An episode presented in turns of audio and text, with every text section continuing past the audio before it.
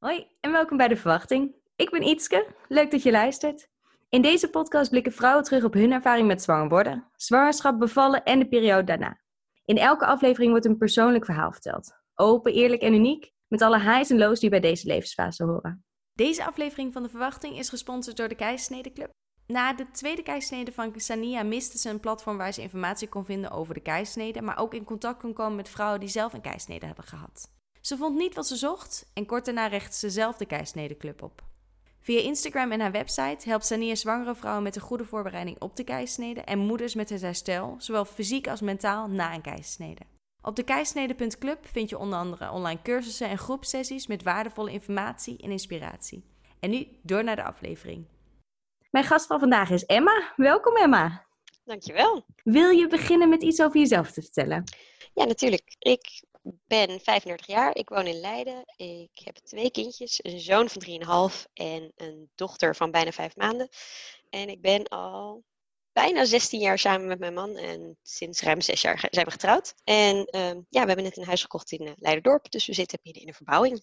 Superleuk, altijd een feestje. Gelukkig nu na de bevalling. Ik hoor heel vaak dat het tijdens een zwangerschap is en dat dat nooit Ja, we waren wel tijdens de zwangerschap aan het kijken, maar toen vonden we gelukkig geen huis. Dus ik stond met een baby van vier weken op mijn arm een huis te kopen. Super. Dus ik heb, het was heel bijzonder, want ik heb dus onder de hormonen een huis gekocht en dat zag ik drie maanden later voor het eerst weer. Toen dacht ik, oh ja, leuk huis. Oké, dus, dus dat, die actie is ook discutabel. Maar, ja, ehm, maar mijn man is er ook blij mee, dus het, uh, ja. Het komt vast helemaal in orde. Grote verbouwing, jullie gaan het helemaal naar wens maken. Ja. Super. hey, waar begint het uh, verhaal van de zwangerschap van je zoon? Um, dat begint eigenlijk een jaar daarvoor. Um, want voordat ik zwanger werd van mijn zoon heb ik een Mr. Abortion gehad. Dus een miskraam die ontdekt wordt tijdens de echo. Op dat moment was ik heel verdrietig natuurlijk. Achteraf kijk ik er wel positief op terug in die zin dat ik op dat moment wel besefte: oké, ik wil echt heel graag moeder worden. Ik wil echt heel graag een kind. Maar Mr. Abortion vond ik wel heel pittig. En omdat ik daardoor ook meteen het vertrouwen in mijn lijf een beetje kwijt was. Dat ik dacht, oké, dit vruchtje is al een week geleden overleden. Mijn lijf doet helemaal niks. Dat vond ik wel heel, uh, heel heftig. Het was vlak voor kerst en iedereen zei ook, ja, we snappen heel goed als je de kerstdagen niet in wil met een, uh, met een overleden kindje in je buik. Dat wilde ik ook echt niet. Ik heb in eerste instantie uh, pillen gekregen, misoprostol. Dat deed niet genoeg, dus na een week heb ik toen ook nog een curettage ondergaan. En toen, toen was het ook wel gewoon klaar. En ehm, ik had steeds dezelfde ontzettend lieve gynaecoloog. Die hield letterlijk mijn hand vast in de operatiekamer toen ik uh, onder zeil werd gebracht. En iedereen was heel lief en heel bezorgd. En, uh, ja. Dus daar kijk ik wel heel positief op terug hoe ze daar uh, mee om zijn gegaan. Maar ja, vervelend blijft het. Ja, ja, absoluut. Ontzettend verdrietig. Ja. En was je gelijk alweer toe aan proberen voor een, een, een volgende zwangerschap? Of heeft ja, het eigenlijk geduurd? wel. Men, mentaal wel. Ja, fysiek duurde het wat langer. maar mentaal was ik er echt meteen klaar voor. Van oké, okay, ja, ja, natuurlijk niet dezelfde dag, maar een paar weken later dacht ik: oké, okay, nou, ik wil dus echt heel graag een kind. Kom maar op. Ja. En dat ging ook eigenlijk wel vrij vlot daarna. Gelukkig. En hoe verliep de zwangerschap van je zoon? Ja, de eerste helft echt wel heel erg goed. Uh, niet zoveel misselijk geweest, wel wat moe. Um, en heel lekker energiek in het tweede trimester in het derde trimester werd het op een gegeven moment wel echt zwaar. Ja, wat, wat eigenlijk een rode draad is door mijn hele zwangerschappen en bevallingenverhaal, is ik ben nogal klein. Ik ben 1,60 meter en echt smal. Zeg maar broekmaatje 24. Dus um, dat ik, en ja, hij was iets groter dan gemiddeld. Dus dat werd op den duur gewoon heel zwaar. Ik ben redelijk flexibel, dus mijn bekken uh, kreeg, heel, ja, kreeg heel veel bekkenklachten. Um, daar kwam gewoon heel veel druk op te staan. Dus dat was wel pittig, zeker het laatste trimester. En dat was de tweede keer eigenlijk niet anders. Daar zijn wel foto's van. het is echt alsof er een tweeling in zit. Oei. Ja. Heftig voor dus je lichaam. Dat was, was fysiek echt wel heel, uh, heel heftig. Ja. Maar verder, heb je, ja. Heb je hulp gezocht voor de bekkenklachten? Ja, ik ben naar de, naar de bekkenfysio gegaan en dat hielp wel. Maar ja, zoals mijn bekkenfysio toen al zei, het is eigenlijk gewoon pappen en nat houden. We kunnen zorgen dat de pijn iets minder wordt, maar naarmate die zwangerschap verder vordert, wordt het gewoon alleen maar heftiger. Dus ga er niet vanuit dat je hier pijnvrij naar buiten huppelt.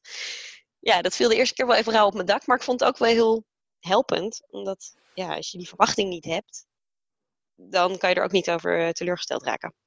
Ja, ja. Nog even teruggaan naar wat, wat eerder in je zwangerschap, want je was natuurlijk weer zwanger na een uh, missed abortion. Hoe, hoe vond je het om weer zwanger te zijn? Ja, ik, vond het, ik was heel erg blij, maar ik vond het wel heel erg spannend. En als je een. Borschen of een Miscam hebt gehad, dan kom je in aanmerking voor een vroege echo met zeven weken. Nou, dat vond ik op zich heel fijn, zo'n vitaliteitsecho. Het probleem was alleen dat ons kindje in de eerste zwangerschap was met bijna negen weken overleden. Dus ze zeggen dan, ja, je hebt een kleinere kans. Maar ik zei, ja, dat zegt dus nog precies helemaal niks. Dus tot die tien weken echo vond ik het echt wel heel erg spannend.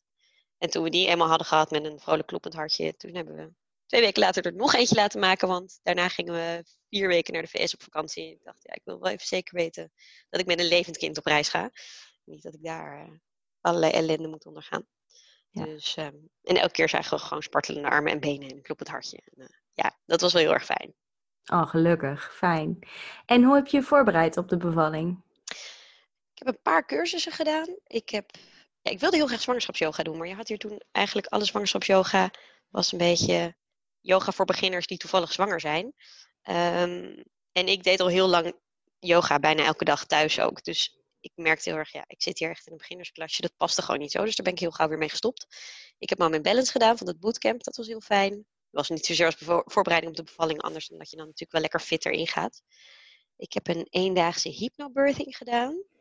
Dat vond ik wel, ik vond het op het moment zelf heel fijn, maar tijdens de bevalling heb ik er uiteindelijk niet zoveel aan gehad, moet ik zeggen.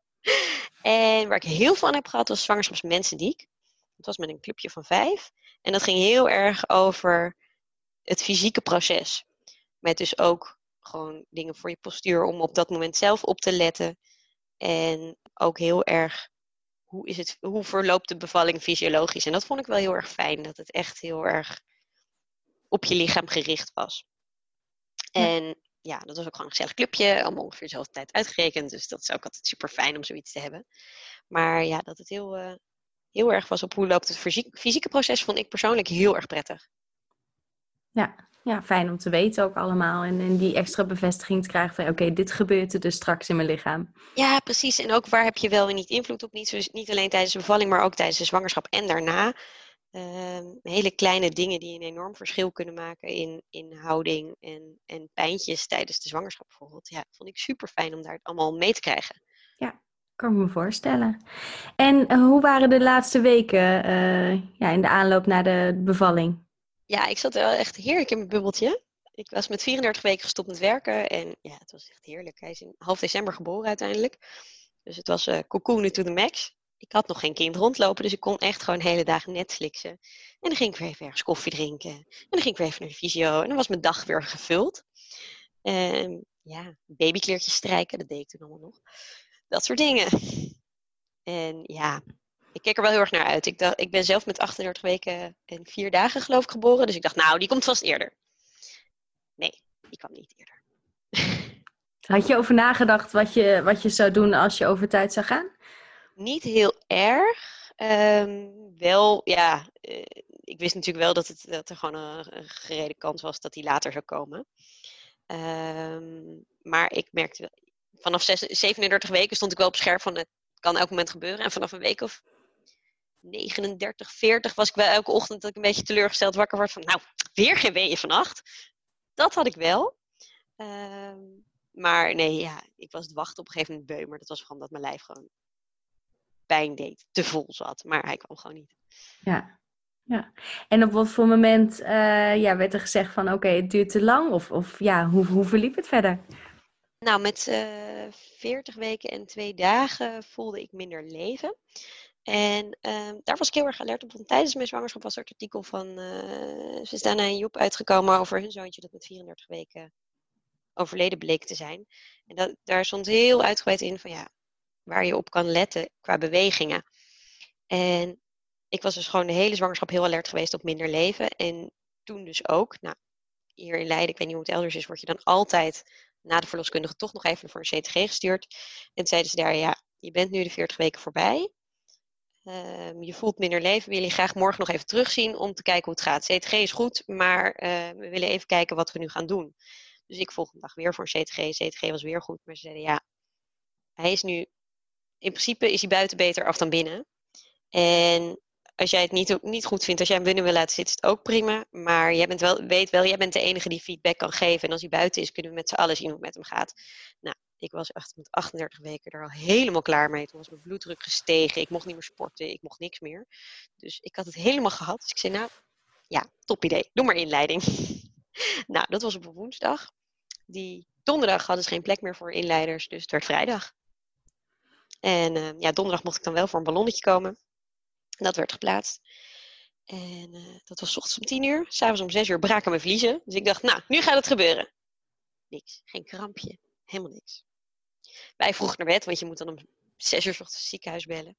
Ik dacht, nou, vannacht gebeurt het. Geen krampje. Helemaal niks. Maar we mochten op vrijdag naar het LMC. Dus goed, daar gingen we. En, en uh, wat was het plan als je daar aankwam? Um, nou, ze zouden dan even kijken hoe het met die vliezen was. Omdat ik niet de hele nacht uh, vruchtwater was blijven verliezen, dachten ze dat er een, uh, een vliesblaas zou zitten. Dat ze die even door moesten prikken. En dan zouden ze even een half uurtje kijken hoe het ging met CTG eraan. En anders ging ik meteen aan de Sintocinon. Nou, dat, uh, dat plan werd ook gevolgd en ik kreeg Sintocinon. En toen begon het feestje. Want mijn lijf reageerde prima op die Sintocinon. Dus die week kwamen eigenlijk heel snel op gang. Ik had, voordat hij daaraan ging, had ik al twee centimeter, anders was het ballonnetje er ook niet uitgekomen. Uh, en om half tien had ik vier centimeter, dus geen keurig met een centimeter per uur. Toen vond ik het op zich nog wel goed te doen. Ja, wat ik dus had gedaan, met mijn domme hoofd, denk ik achteraf. Met mijn hormonale hoofd, beter gezegd. Ik kreeg de vraag, ja, je mag kiezen. Want we zien hier in je geboorteplan dat je graag een rugprik wilt. Die mag eerst en dan de Sinto of eerst de Sinto en dan de rugprik als het niet meer gaat. En toen zei ik, nou ik ben wel benieuwd hoe een wee voelt. Nou, dat heb ik geweten. Want om half tien vond ik het nog best goed te doen met al mijn, uh, met al mijn pufflesjes ervaring. Maar dacht ik, nou, rugprik kan wel een uur duren. Over een uur vind ik dit denk ik niet leuk meer. Dus ik vroeg om die rugprik. Nou, geen probleem, gingen ze regelen. En in het LMC komt er anesthesist naar je toe. Dus dat is helemaal luxe. Ik hoefde alleen maar te wachten, niks aan de hand. En de anesthesist kwam. En toen was het ook echt al niet meer leuk. Dus die kwam precies op het goede moment. En de rugprik ging erin. En hij zat rechts helemaal goed. En links voelde ik nog niet zoveel ervan. Maar zij ga maar op je linkerzij liggen. Dan uh, komt hij wel. Uh, komt zo wel. En toen kwam die niet. Maar er kwam wel een weeënstorm. Een weeënstorm van heb ik jou daar. Zodanig dat ze na een half uur een verloskundige zijn gaan halen om te kijken het met mijn ontsluiting was. Omdat ze dachten dat ik zo langzamerhand wel mocht gaan persen. Toen zat ik op 6 centimeter om 11 uur. Dus dat was niet helemaal wat iedereen dacht dat het zou zijn.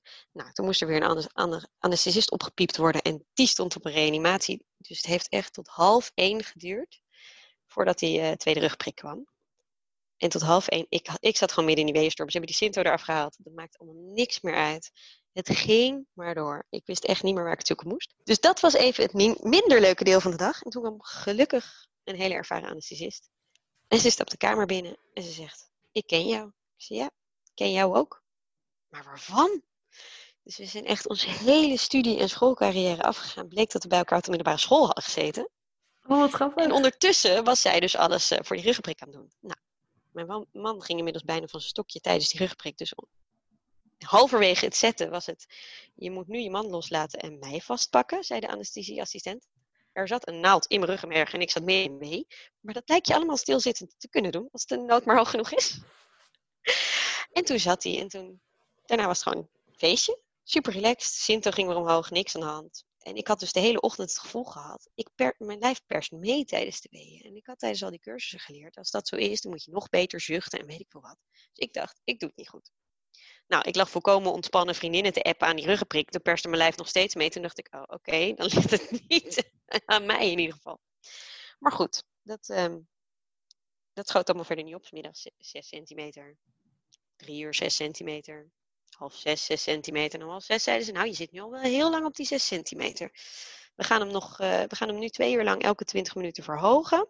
En als dat niet werkt, dan moeten we misschien eens gaan kijken naar een keizersnede. Ik zei, nou ja, oké, dan ga ik me nu daar ook mentaal op voorbereiden. Nee, dat moet je niet doen. Ik zie wel, want ik vind het heel fijn om niet over twee uur totaal overdonderd te zijn door het idee dat het een keizersnede wordt. Daar had ik natuurlijk tijdens die weeënstorm al lang om gesmeekt, maar dat doen ze er niks mee natuurlijk. Maar goed, inderdaad, om half acht kwamen ze weer. Nog steeds 6 centimeter. Ze konden er met de beste wil van de wereld ook geen 7 van maken. Dus, um, nou zeker, dan wordt het dus een keisnee. Ja, zei de. En de meeste mensen zijn er niet zo monter onder. Dus ja, nee, ja, ik vind het ook wel verdrietig. En toen kwamen natuurlijk ook wel de traantjes. Maar ik zie ook wel dat dit niet gaat, gaat gebeuren. Ehm, ik wil gewoon een gezond kind. En ehm, ja, wat ook een grote rol speelde was dat naarmate die Sinto verder op werd gevoerd, liep de uh, hartslag van onze zoon steeds verder op.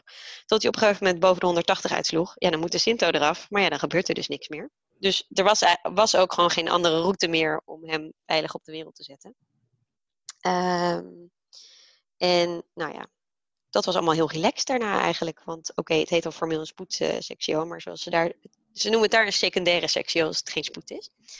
Um, en dat betekende in dit geval dat de gynaecoloog nog eens even rustig een hapje ging eten, want het was inmiddels kwart voor acht avonds. Die zei, ja, als je het niet erg vindt, gaan we eerst nog wat eten. Ik zei, prima, maar is er dan ook iets te eten voor mijn man? Want ik wil niet dat hij onderuit gaat op de OK. nou, er was iets te eten voor hem. En uh, mijn ruggenprik die kon rustig opgespoten worden. Het enige nadeel van dat het uh, secundair was, was dat onze zoon niet op de OK kon blijven. Het kon niet gentle. Maar er was dus wel genoeg tijd om al mijn wensen door te spreken. Om te kijken wat er wel en niet kon. Uh, want ja, we kwamen op een, een koude OK, dus gentle kon niet. Uh, uitkloppen kon niet. Maar wat wel kon, wat ik heel graag wilde, was navelstrengbloed doneren. Er zijn een paar ziekenhuizen waar dat kan. En het LMC is er één van. Uh, dus ja, uh, op de OK doen we dat eigenlijk niet, want die kit is niet steriel. Maar weet je wat we doen? We doen gewoon je placenta en je navelstreng doen we in een doos. Die brengen we naar de neonatologie en dan gaan ze daar de stamcellen eruit halen. Dat kon dus wel. Maar ja, dat was wel typisch zo'n ding waarvan ik dacht achteraf ook, oh wat ben ik blij dat dat gewoon heel duidelijk in mijn bevalplan stond. En dat ik nog helder genoeg was om het te vragen. Want van alle wensen die ik had, is dat ongeveer de enige die is blijven staan. Maar ja, dat gaf wel een soort van gevoel van, oké, er is een van mijn wensen gehonoreerd. Yes! Want je, je, je, reageerde er best goed op als ik dit zo hoor. Ja, nou ja, toen ze, toen ze allemaal gingen eten, moest ik, was ik echt wel even verdrietig. Heb ik echt wel even gehuild. Maar ja, het voelde ook niet als falen of zo. Want ik had met 38 weken al tegen mijn eigen verloskundige gezegd... Echt, ik werd op een dag wakker met het gevoel, het gaat niet passen. Ik heb toen gezegd, ze zei, ja, maar dat zeggen alle moeders die de eerste krijgen. Ja, dat snap ik. En ik snap ook wel dat iedereen bang is om uit te scheuren en weet ik het wat. Maar ik denk dat die echt, echt niet past. Ze zei, ja, maar ja, met een goede echo kunnen we niks meer. Dus ik weet ook niet zo goed wat ik ermee aan moet. Ik, ze zei, kan je wel insturen, maar ik kan er niet zoveel mee. Nou, dat begreep ik ook wel. Maar ik heb wel de rest van de zwangerschap gedacht, het gaat niet passen. Nou, dat bleek te kloppen, want meneertje werd geboren met uh, eh, 3800 gram. En met een punthoofd, dan heb ik jou daar. Want al die enorm krachtige weeën die ik had gehad met meepersen, hadden dus zijn hoofd in mijn bekken geduwd. En zijn hoofd paste echt niet in mijn bekken. Dus hij had een, een punthoofd alsof het een vacuümkindje was. Ja, echt heel zielig. maar, um, nou ja, ik dacht wel, zodra ik dat zag, oké, okay, ik had dus wel gelijk. Dit paste gewoon niet. Nou ja, prima. Um, dan was dit ook terecht. Hij begon met schreeuwen voordat hij mijn buik uit was. En hij was voor mijn lijf dus zo groot dat ze tijdens de sectie op een gegeven moment zeiden: Oké, we moeten iets harder trekken dan we dachten. Uh, hoezo? Ja, zijn billen zitten onder je ribbenklem. Oké, dat kan dus. En ik had ook wel gemerkt aan het eind van de zwangerschap: ja, mijn ribbenkast zette zo uit. Maar ja, alles dijde aan alle kanten uit, wist ik veel. Maar dat kwam dus doordat zijn billen gewoon in mijn ribbenkast zaten. Die zaten vast. Dus die hebben ze echt uit moeten trekken. Um, ja, en toen was hij er, schreeuwend en wel en heel boos en helemaal gezond. Uh, toen moest hij heel even met mijn man mee naar de kinderartskamer. Daarna kreeg ik hem in doeken gewikkeld, wel gewoon bij me. Maar dat is maar heel even, omdat dat zo'n OK zo koud is. Dus toen gingen zij er vandoor en uh, moest ik natuurlijk weer helemaal gefatsoeneerd worden. Uh, maar dat was heel gezellig, want er was een uh, OK kerstfeest. Onze zoon is van 16 december. Maar zij waren het enige team dat stand-by had gestaan. Maar zij kregen dus continu op uh, de telefoon foto's van iedereen in verkleed outfit en kerstmuziekje aan. Dus dat was eigenlijk helemaal gezellig. Jij feestte eigenlijk vanuit die elkaar gewoon gezellig mee. Ja, ik had het wel naar mijn zin. Het was wel knus. Ja, het was heel gek dat mijn kind er niet was. Maar tegelijkertijd, iedereen was nog, nog zo bezig dat... Ja, ik was nog helemaal niet gaan, gewend aan het idee dat hij eruit was, zal ik maar zeggen. Ja. Dus ja, hoe vond je man het op dat moment? Dat hij alleen was met, uh, met zijn nieuwe zoontje en, en zijn vrouw nog Nou, dat was dus wel heel schattig. Ik, ik snap het nog steeds niet helemaal. Hij heeft hem gewoon in dat bakje laten liggen. Dus in de meeste ziekenhuizen zeggen ze, shirt uit, hier is je baby. Maar het was echt gestoord druk. Het heeft ook heel lang geduurd voordat ik van de verkoever gehaald kon worden. Dus er was gewoon even niemand beschikbaar om hem even echt te begeleiden.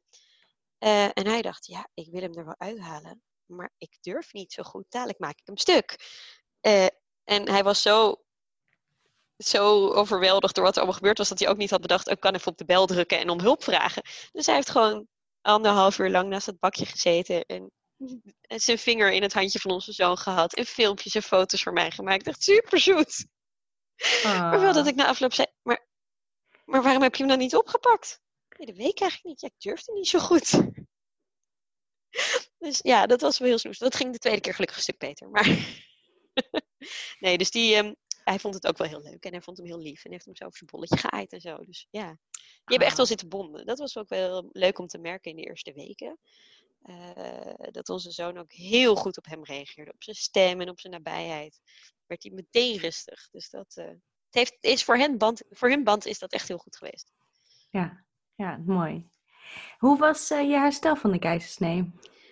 Ik vond het echt heel pittig. Ehm, ja, ik had, nou, ik was 14 uur bezig geweest met bevallen ervoor. eh, met behoorlijk heftige weeën. En dat was, ja, het is eigenlijk alsof je twee bevallingen doet. Ehm, dat vond ik wel echt heel, heel pittig. Alles deed gewoon pijn. We zijn uiteindelijk, je moet dan 48 uur blijven.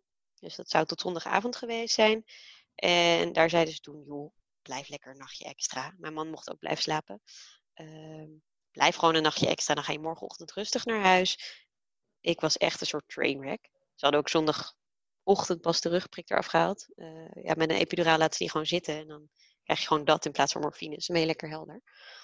Ehm, zeker die eerste dagen dacht ik echt, holy moly, hoe moet dit ooit weer goed komen? En ze zeggen dat het herstel zes weken duurt. Ik hou dit echt geen zes weken vol. Ja, het herstel duurt natuurlijk niet zes weken zo. Maar ja, dat is dus hoe weinig ik er ook over wist. Ik dacht, als ik zes weken lang zoveel pijn heb en zo moe ben, ik weet gewoon niet hoe dat moet. Maar dat, eh, dat trok gelukkig wel redelijk snel bij. Maar het heeft echt wel een tijd geduurd voordat ik, nou, ik denk wel een maand voordat ik een keer een half uurtje kon wandelen of zo. Ja. Dus ja, ik vond het heel, heel zwaar. Ja, het was ook midden in de winter. Dat vond ik ook heel naar, dat ik niet even bijvoorbeeld buiten kon zitten of zo. Dat het gewoon te koud was. Ja. Kon je Ja. wel de rust nemen, eh, ook dan binnen huis? Om, om Ja, dat ging te wel redelijk, redelijk goed. Ja. ja, we hadden toen heel veel hulp. Ja, bij onze dochter, die is midden in coronatijd geboren, dus dat was net even anders. Maar ehm, ja, en doordat het kerst en oud en nieuw was, was mijn man 2,5 weken vrij. Ja, dus die was er gewoon de hele tijd. En ja, we hebben familie en zo dichtbij, dus ik had best wel veel hulp. Met wasjes vouwen en weet ik het wat. Maar eh, ja, dus dat ging eigenlijk wel goed, die rust nemen. Ja. Maar alsnog vond ik het echt zo pittig. Ik wist echt niet wat me overkwam. En had je nagedacht of je borstvoeding zou willen geven of de fles? Ja, nou, dat is. eh, ik wilde wel graag borstvoeding in ieder geval proberen. En dat ging bij onze zoon eigenlijk best wel heel erg goed. Ja, zoals vaker met de sectio was hij wel bijna 10% afgevallen op dag 2. Dus toen hebben we wat bijvoeding gegeven en wat bijgekolfd. En daarna ging het echt supergoed. Tot ik drie weken na de bevalling buikgriep kreeg. Want toen stopte mijn productie ongeveer volledig. Eh, en dat arme kind was dus het grootste deel van de dag aan het lurken. Ik, op een gegeven moment was ik zo moe dat ik niet meer sliep. En toen heb ik echt huilend verloskundige gebeld dat ik niet meer wist hoe ik in slaap moest vallen. Toen zei ze, oké, je gaat nu de huisarts bellen. En ik belde de huisarts en die zei, oké, je komt nu langs. En toen was ik er en zei huisarts, ja, ik wil je eigenlijk slaappillen geven, maar dan moet je wel beloven dat je kolft en weggooit.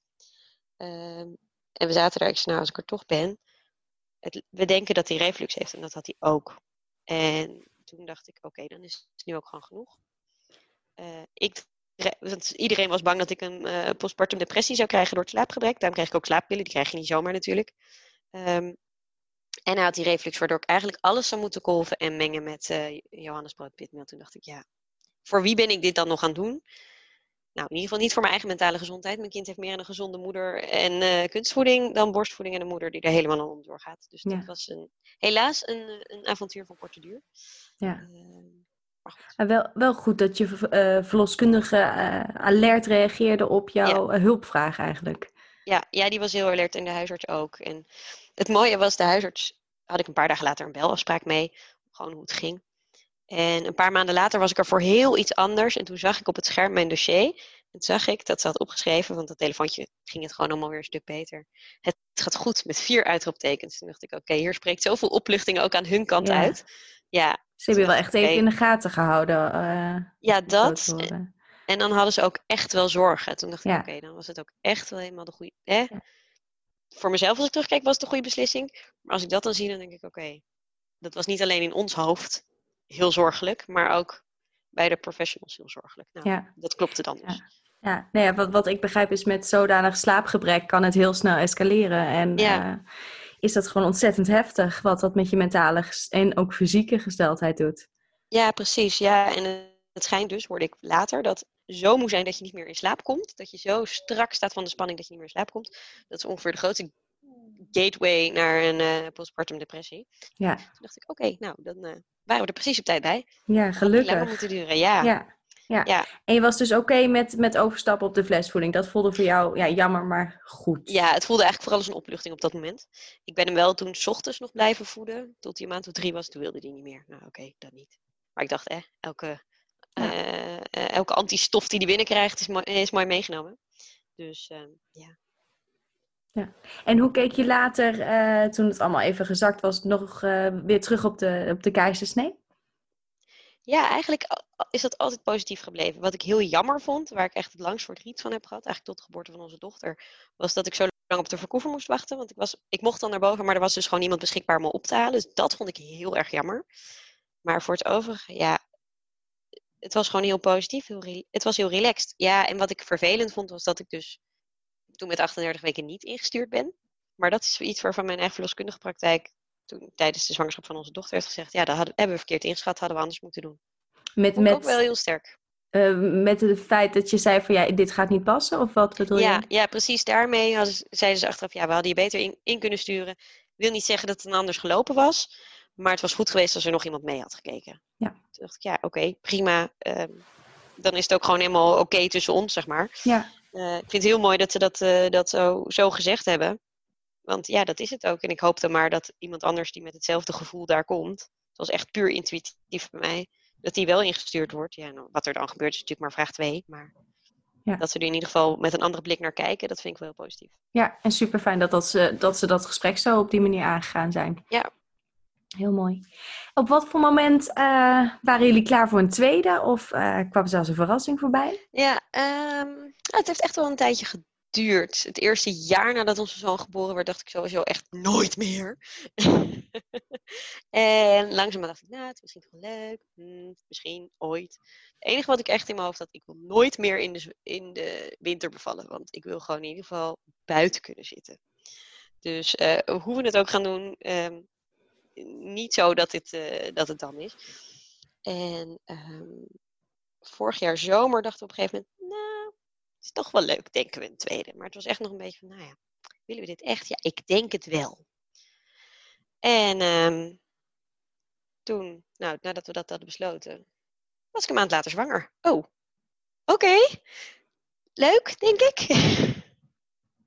ik was echt wel even overweldigd door hoe snel het ging. Ik dacht, hallo, ik ben bijna 35. Eh, wat is dit? Hoe kan het dat ik nu meteen zwanger ben? Wat is dit voor iets?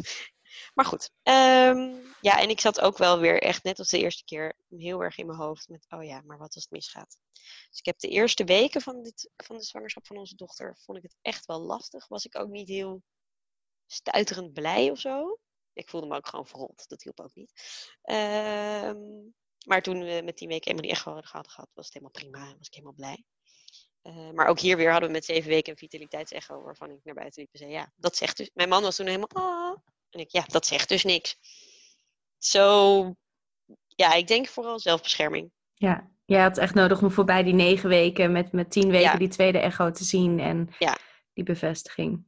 Ja, want ik had in de tussentijd al wel geleerd, ja, als je met tien weken een kloppend hartje eh, ziet, is de kans dat het met dertien weken niet meer zo is, zo klein. Maar ja, voor de tien weken, ja, dat zei me gewoon niks meer. Ja, het is leuk, maar een een knipper in de pixel. Maar voor mij was het ook echt een knipper in de pixel. Ja. En niet meer dan dat. En dat, eh, dat maakt het ook wel lastig, vooral omdat we waren op vakantie op Sicilië. En allemaal lekker eten, allemaal lekker drinken. En de Italiaan, als je zegt ik ben zwanger, zeggen ze, ja, leuk, gefeliciteerd. Nee, dus ik wil dingen niet eten. Oh, waarom dan? En wat dan? En, maar je drinkt toch wel wijn? Ik bedoel, dus ik zat er echt, nou, ik mag dit niet, ik mag dat niet, ik wil dat. Ik wil allemaal dingen die ik niet mag. Ik voel me de hele dag misselijk, zonder overgeven, maar gewoon de hele dag zo queasy. Hou op zeg. En misschien is en dan het stemmetje in mijn hoofd. En misschien is het ook nog allemaal voor niks. Dat. Ja. Ja. Ja, Dus en die dat, eh, weken duren dan ontzettend lang. Ja, nou ik De dagen dat we vakantie waren. Ja, Want tegen de tijd dat we terugkwamen van vakantie was het al bijna tijd voor die echo. ja. Gelukkig. En dat was allemaal goed. Ja, dat was allemaal goed. En uh, ja, het bleef gewoon allemaal goed. Super. Hoe voelde je het verder tijdens die zwangerschap? Um, nou, in het tweede trimester voelde ik me eventjes heel goed van zo vanaf week of 15. En vanaf 20 weken werd ik echt verpletterend moe. We waren toen alweer op vakantie. en ik heb die hele vakantie elke middag de hele middag geslapen. En ik dacht, nou ja, het was ook wel een heftig najaar. Misschien is dat het. Ik was, kwam weer terug op mijn werk en ik hield gewoon mijn werkdagen niet vol. Het was echt niet te doen. Dus uiteindelijk ben ik met 24 weken al thuis komen te zitten. Ik, ik kon gewoon echt niet meer werken. Ik kon niet focussen van de moeheid. Ik moest middag slapen. Ik heb nog geprobeerd uh, een paar weken met vooral thuiswerken. En lag ik ook de hele middag te tukken. En s ochtends zat ik naar mijn scherm te staren en dacht, ik kan gewoon, ik werkte als jurist. Ik kon gewoon niet begrijpen wat er stond. Dus uh, dat vond ik wel heel heftig. Uh, ik zat maar thuis en de muren kwamen, kwamen op me af. En ik dacht, oh man. Uh, ik had mijn 22 weken al voorgesprek met de gynaecoloog gehad. Over een eventuele geplande sectio. En dat dat dan met 39 weken zou zijn. Ik dacht, 15 weken dit. Dit hou ik niet vol. Ja. Wat zei de nou, je verloskundige van de... Nog even terug op de vermoeidheid, want dat is wel heel heftig. Ja, dat was heel heftig. Er is natuurlijk ook van allerlei bloed geprikt en geprobeerd en gekeken. Is het niet ijzer? Is het niet dit? Is het niet dat? En het was allemaal niks. Het was gewoon allemaal zwangerschap. Um, dus ja, die waren wel heel alert van hoe gaat het? En uh, joh, als je er heel... Elke, elke consult weer, hoe voel je je? Ben je somber of wat dan ook? Ik heb op een gegeven moment ook met... Wat was het? 30 weken of zo gezegd. Ik weet niet of ik dit nog negen weken volhoud zo hoor. Nee, dat snapte ze, maar ja. Uh, dat was ook, tegen die tijd was ook wel duidelijk dat waarschijnlijk weer een sectio zou worden. Dus ja, dat doen ze ook niet eerder dan 39 weken. Dus dat was een beetje een, eh, een lastige. Um, maar goed, die waren wel heel alert en ik mocht altijd bellen als ik, uh, als ik gewoon tegen de muren opliep en zo. En ja, ik kon wel iets, ik kon wel even naar buiten of even ergens koffie gaan drinken, maar dat was het dan wel zo'n beetje. En ik zat maar alleen thuis en ik vond het vreselijk. Um, en toen met 32 weken kwam de lockdown. En toen zat ik niet meer alleen thuis.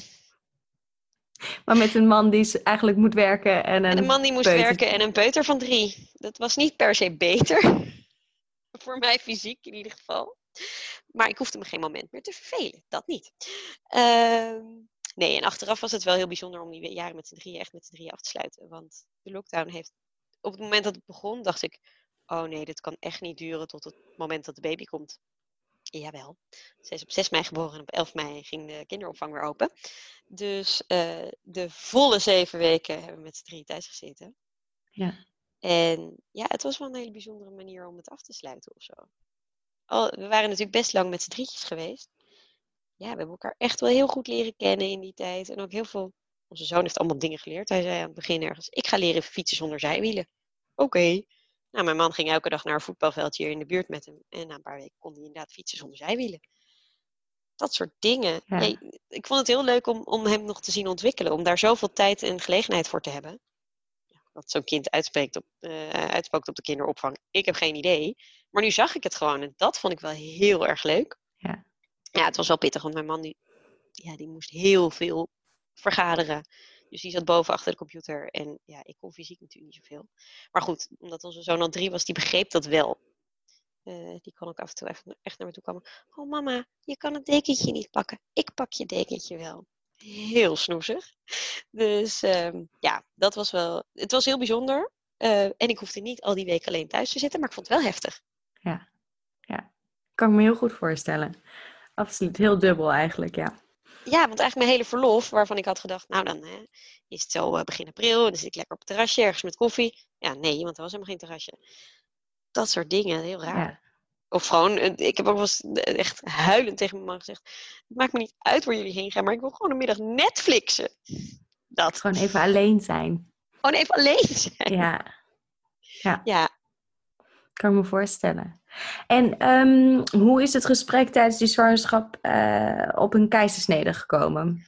Nou, ik had eigenlijk ver voordat ik zwanger werd uh, van onze dochter al bedacht, um, dit gaan we nooit meer zo doen. Um, inleiden vond ik sowieso geen optie meer. En een vriendin van mij is verloskundige. En ik had het er best wel vaak met haar over gehad. En mijn conclusie was, nou, als dit kind en klein is en perfect ingedaald is en helemaal goed ligt, dan wil ik het wel proberen. En anders ga ik er gewoon niet aan beginnen. Want ik heb honderd keer liever een gentle sectio uh, waar het kindje bij me kan blijven. Uh, en waar het herstel het minst zwaar is van de twee scenario's, dan het risico dat het weer een spoed wordt. En ik had toen met 22 weken een voorgesprek met de gynaecoloog. Dat noemen ze polyoplocatie. En dan is in zoveel tijd komt gewoon de gynaecoloog eventjes uh, in de verloskundige praktijk. Om daar, uh, daar met zwangeren te praten. dat is natuurlijk veel laagdrempeliger en makkelijker dan dat je naar het ziekenhuis moet. En um, nou, die had zo'n kansberekening gegeven. En die zei, ja, eigenlijk heb je drie scenario's. Het A-scenario, een vaginale bevalling zonder complicaties. Het B-scenario, een geplande sectio. En het C-scenario, een spoedkeizersnee. Hij zei, ja, en het, het lullige is A en C is één keuze. Je kiest of B of voor A met het risico van C. En het, nou ja, de, de standaard kansberekening toen met 32 we of 22 weken was 60 tot 70 procent kans dat het vaginaal gewoon lukt. Maar ja, dat nam niet mee dat ik zo smal ben en dat onze zoon niet hysterisch groot was, iets groter dan gemiddeld, maar toch bij lange na niet paste. Dan zei ze wel, ja, maar dat was ook een sterrenkijker. En ik zei, ja, maar volgens mij krijg je daar niet zo'n punthoofd van. Maar goed, kan aan mij liggen. Laten we het gewoon rustig afwachten hoe, dit kind gaat groeien. Want ja, het zegt nog niet zoveel met 22 weken. Nou, met 35 weken werd ik doorverwezen naar het ziekenhuis. En ik had met 30 weken nog een goede echo gehad. En die was ook al, ja, gemiddeld of iets groter dan gemiddeld, het kindje. Maar niks wereldschokkends, maar ja, wel voor mij. Dus de meeste gesprekken met de gynaecoloog gingen, en, en de klinisch verloskundige gingen telefonisch. Dus dat was ook wel gek. Ik heb gewoon aan de telefoon de geboortedatum van onze dochter mogen uitkiezen, bijvoorbeeld. Want ik was op 3 mei 39 weken. Nou, dat was, een, dat was een zondag, dus dat ging niet. 4 mei, nou, jarig op dodenherdenking vond ik een beetje sneu. 5 mei zeiden ze ja, ja het is uh, eh, 2020, dus het is een vrije dag, dus er zijn minder mensen beschikbaar. Dus een gentle kan niet, want dan moeten we een extra verpleegkundige op het rooster hebben staan. Dus 6 mei is de eerste dag die dan kan. Ik zei, nou, dan maar 6 mei. dus mooie dag, helemaal prima. Ja, mooie dag. Ja, maar dat was heel gek. Woensdag 6 mei. Oké, bij deze geprikt. Ja. Maar dat wisten we. Vijf of zes weken van tevoren al. Dus dat was heel raar. Ja. En um, nou, het merendeel was telefonisch. En toen op een gegeven moment had ik, heb ik wel een gynaecoloog gezien. En dat waren, nou, waren twee gynaecologen in opleiding. Die waren wel heel vriendelijk en zo. En nou ja, ik had ook wel een soort bevalplan voor eventueel vaginale bevalling. Um, en dat was met 36 weken of zoiets.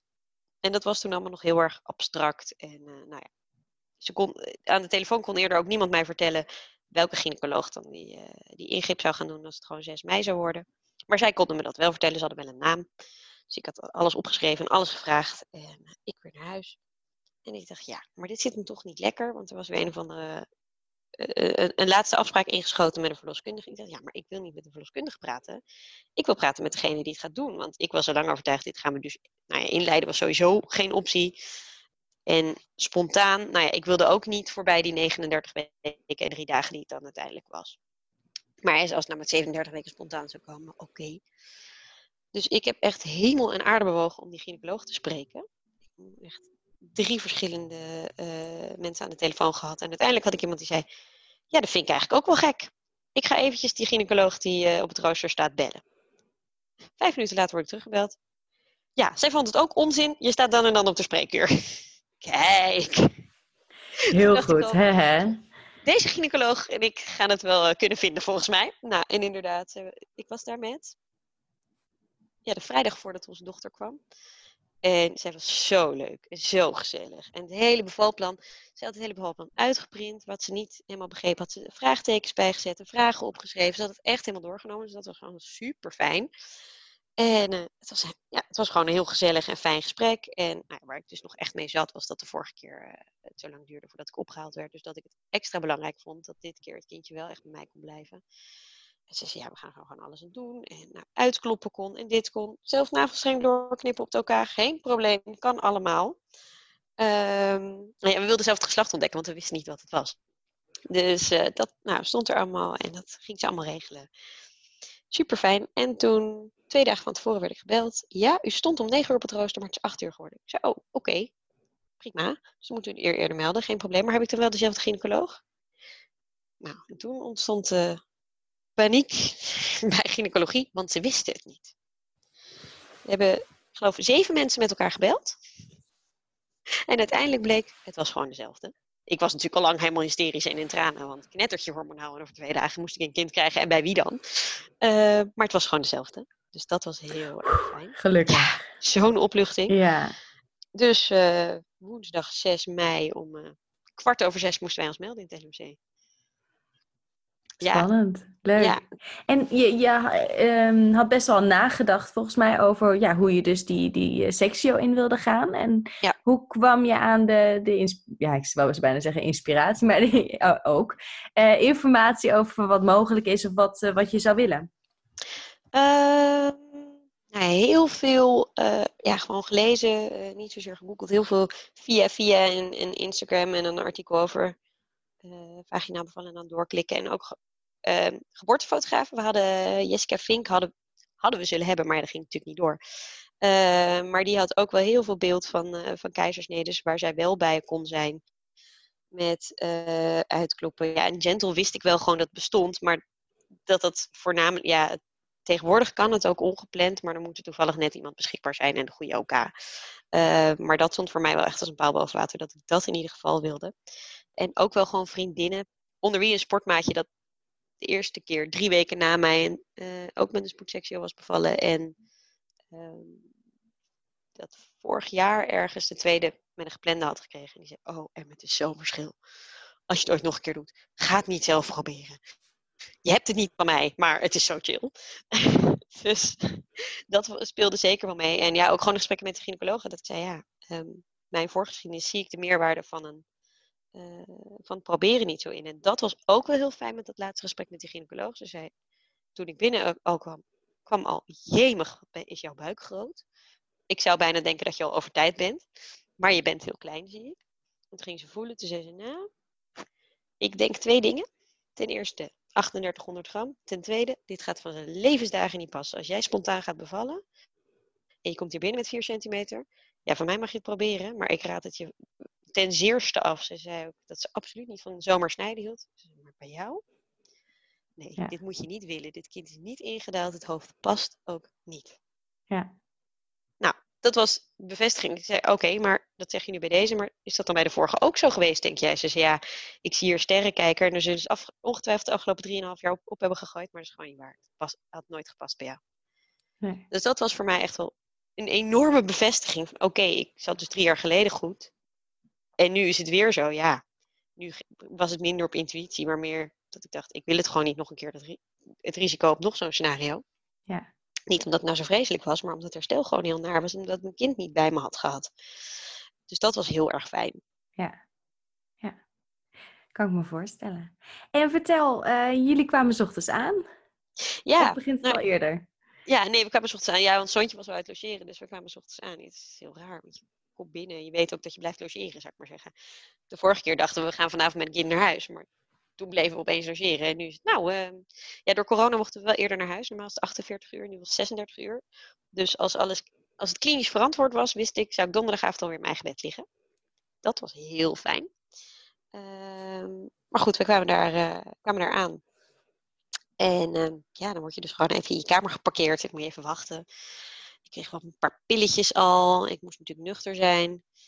En ehm, toen eh, ja, moest ik omkleden. En toen gingen we op transport, zoals dat heet. En het is heel raar, want bij een eh spoedsectie je natuurlijk meteen de elkaar ingereden. Maar bij geplande moet je gewoon eerst in de holding met mensen die, die voor iets anders komen. Dus sowieso, ik was de enige die mijn partner eh, bij me had. Maar er lag iemand die had iets aan zijn blaas. En er had iemand en die moest aan een zenuw geopereerd worden. Iedereen ligt er een beetje te ouwe hoeren met elkaar. Waar kom jij voor? Waar kom jij voor? Nou, mij vroegen ze dat dan weer niet. Maar, maar ook iedereen van de, van de verkoever heel begaan. eh, van de holding heel begaan. Ja, en weet je wat het wordt? We zijn zo benieuwd. Oh, je komt, hier, ja, je komt hier straks nog terug. Dus we willen het wel weten.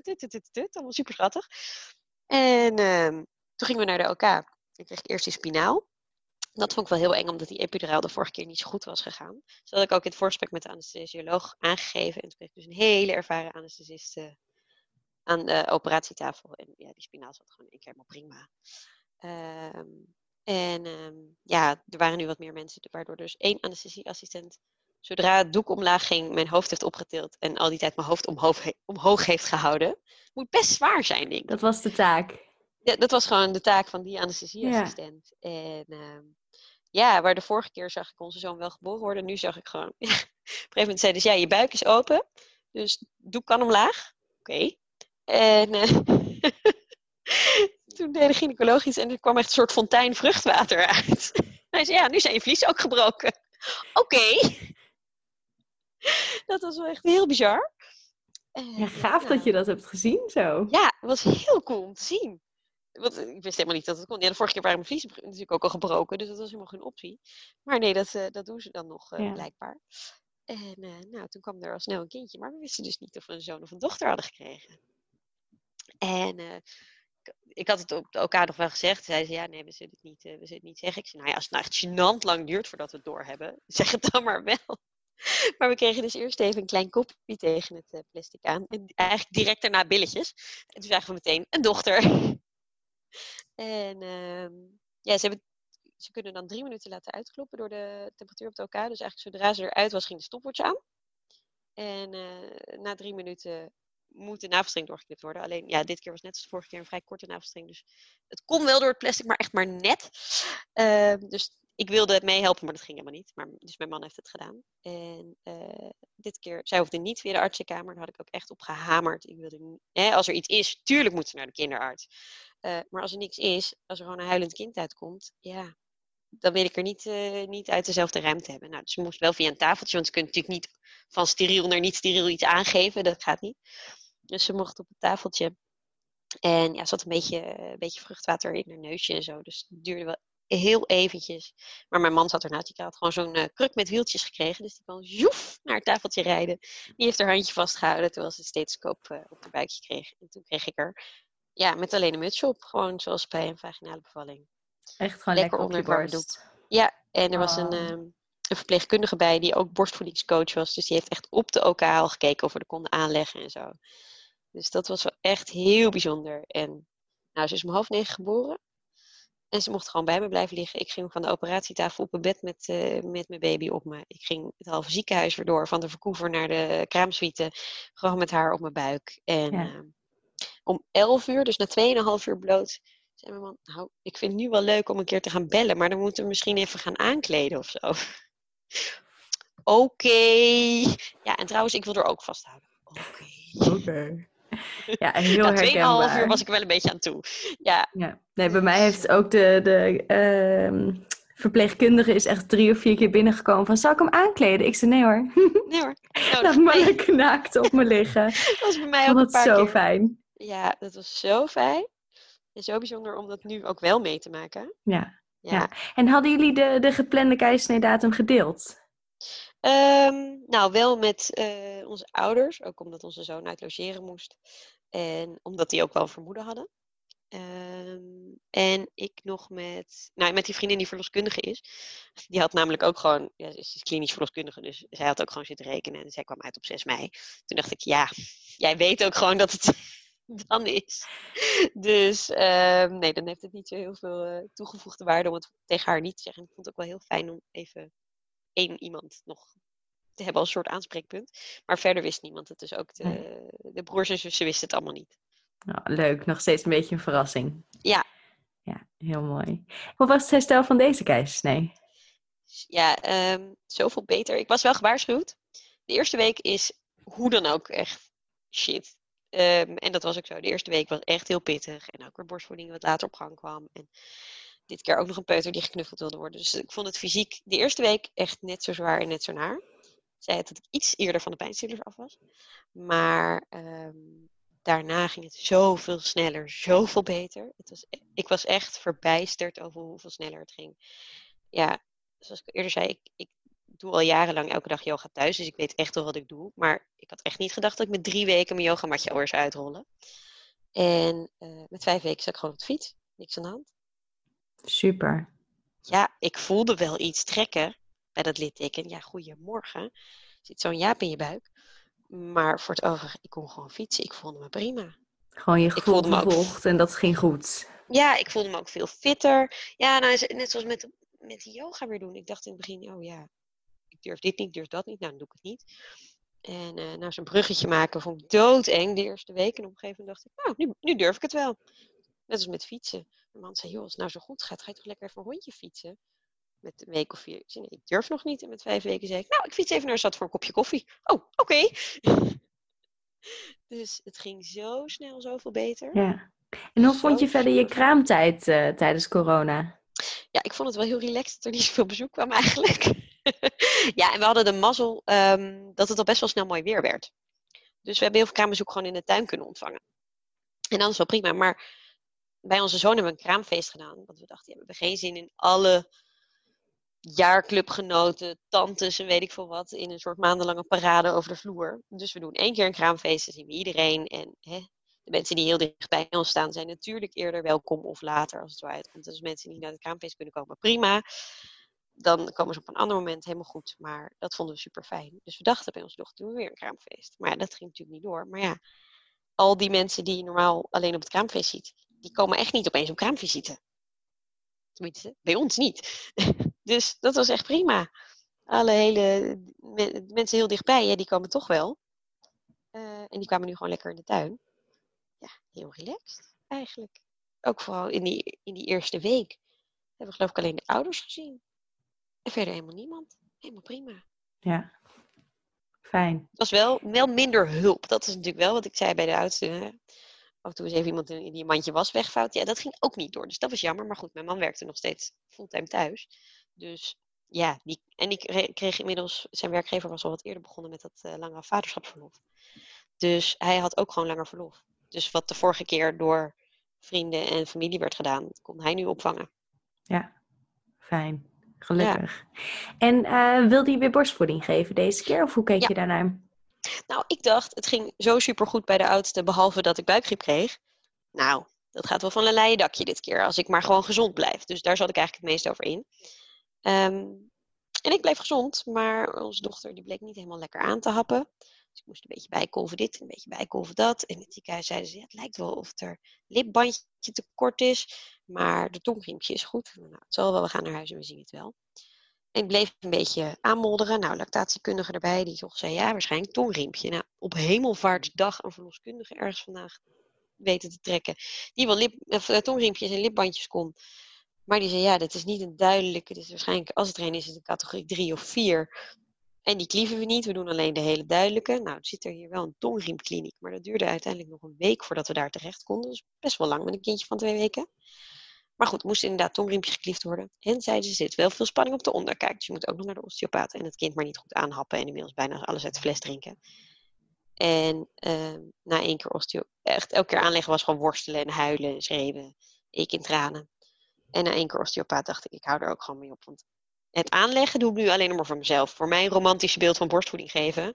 In de wetenschap dat dit ook echt de laatste keer is. Maar ik doe het niet voor haar, want zij vindt het vreselijk. Ja, dan doe ik het echt alleen maar voor mezelf. Daarvoor is die hele borstvoeding niet, volgens mij. Dus toen zijn we ben ik lekker alles gaan kolven en dronk zij het fles. Nou had ik de mazzel dat ik met vier keer per etmaal kolven mijn maximale rendement had. Als ik vaker kolfde, kwam er minder uit per 24 uur. Dus dat was heel fijn, want vier keer is nog best een tijd vol te houden. Terwijl zeven of acht keer, nee, dat had ik niet lang volgehouden, denk ik. Nee, oh, grappig. Vier keer was voor jou de, de juiste hoeveelheid. Ja, ja, echt mee geëxperimenteerd. Nou, ik wist al vrij snel zeven, zeven, of acht keer is gewoon te veel. Ja, dan voeden we maar bij, maar dat trek ik niet. Dat ging ik zes keer doen. Hm, best prima. Laat ik eens kijken wat er gebeurt met vijf. Best prima. Laat ik kijken wat er gebeurt met vier. Huh? Meer? Oké, vier. Ja, Super. dat is dan ook wel makkelijk. Ja, ja. ja mooi. Ja. bedankt voor het eh, delen van jouw ervaringen vandaag. Ja, graag gedaan. En jij thuis, jij thuis of onderweg, waar je dit ook luistert, bedankt voor het luisteren van deze aflevering van De Verwachting. Ik uh, ben altijd super benieuwd naar jou en um, wie jij bent en wat je van de afleveringen vindt. Dus als je uh, met me wil connecten op Instagram, vind ik dat super leuk. Uh, je kan me vinden op De Verwachting Podcast en dan zie ik je daar graag. Tot de volgende keer.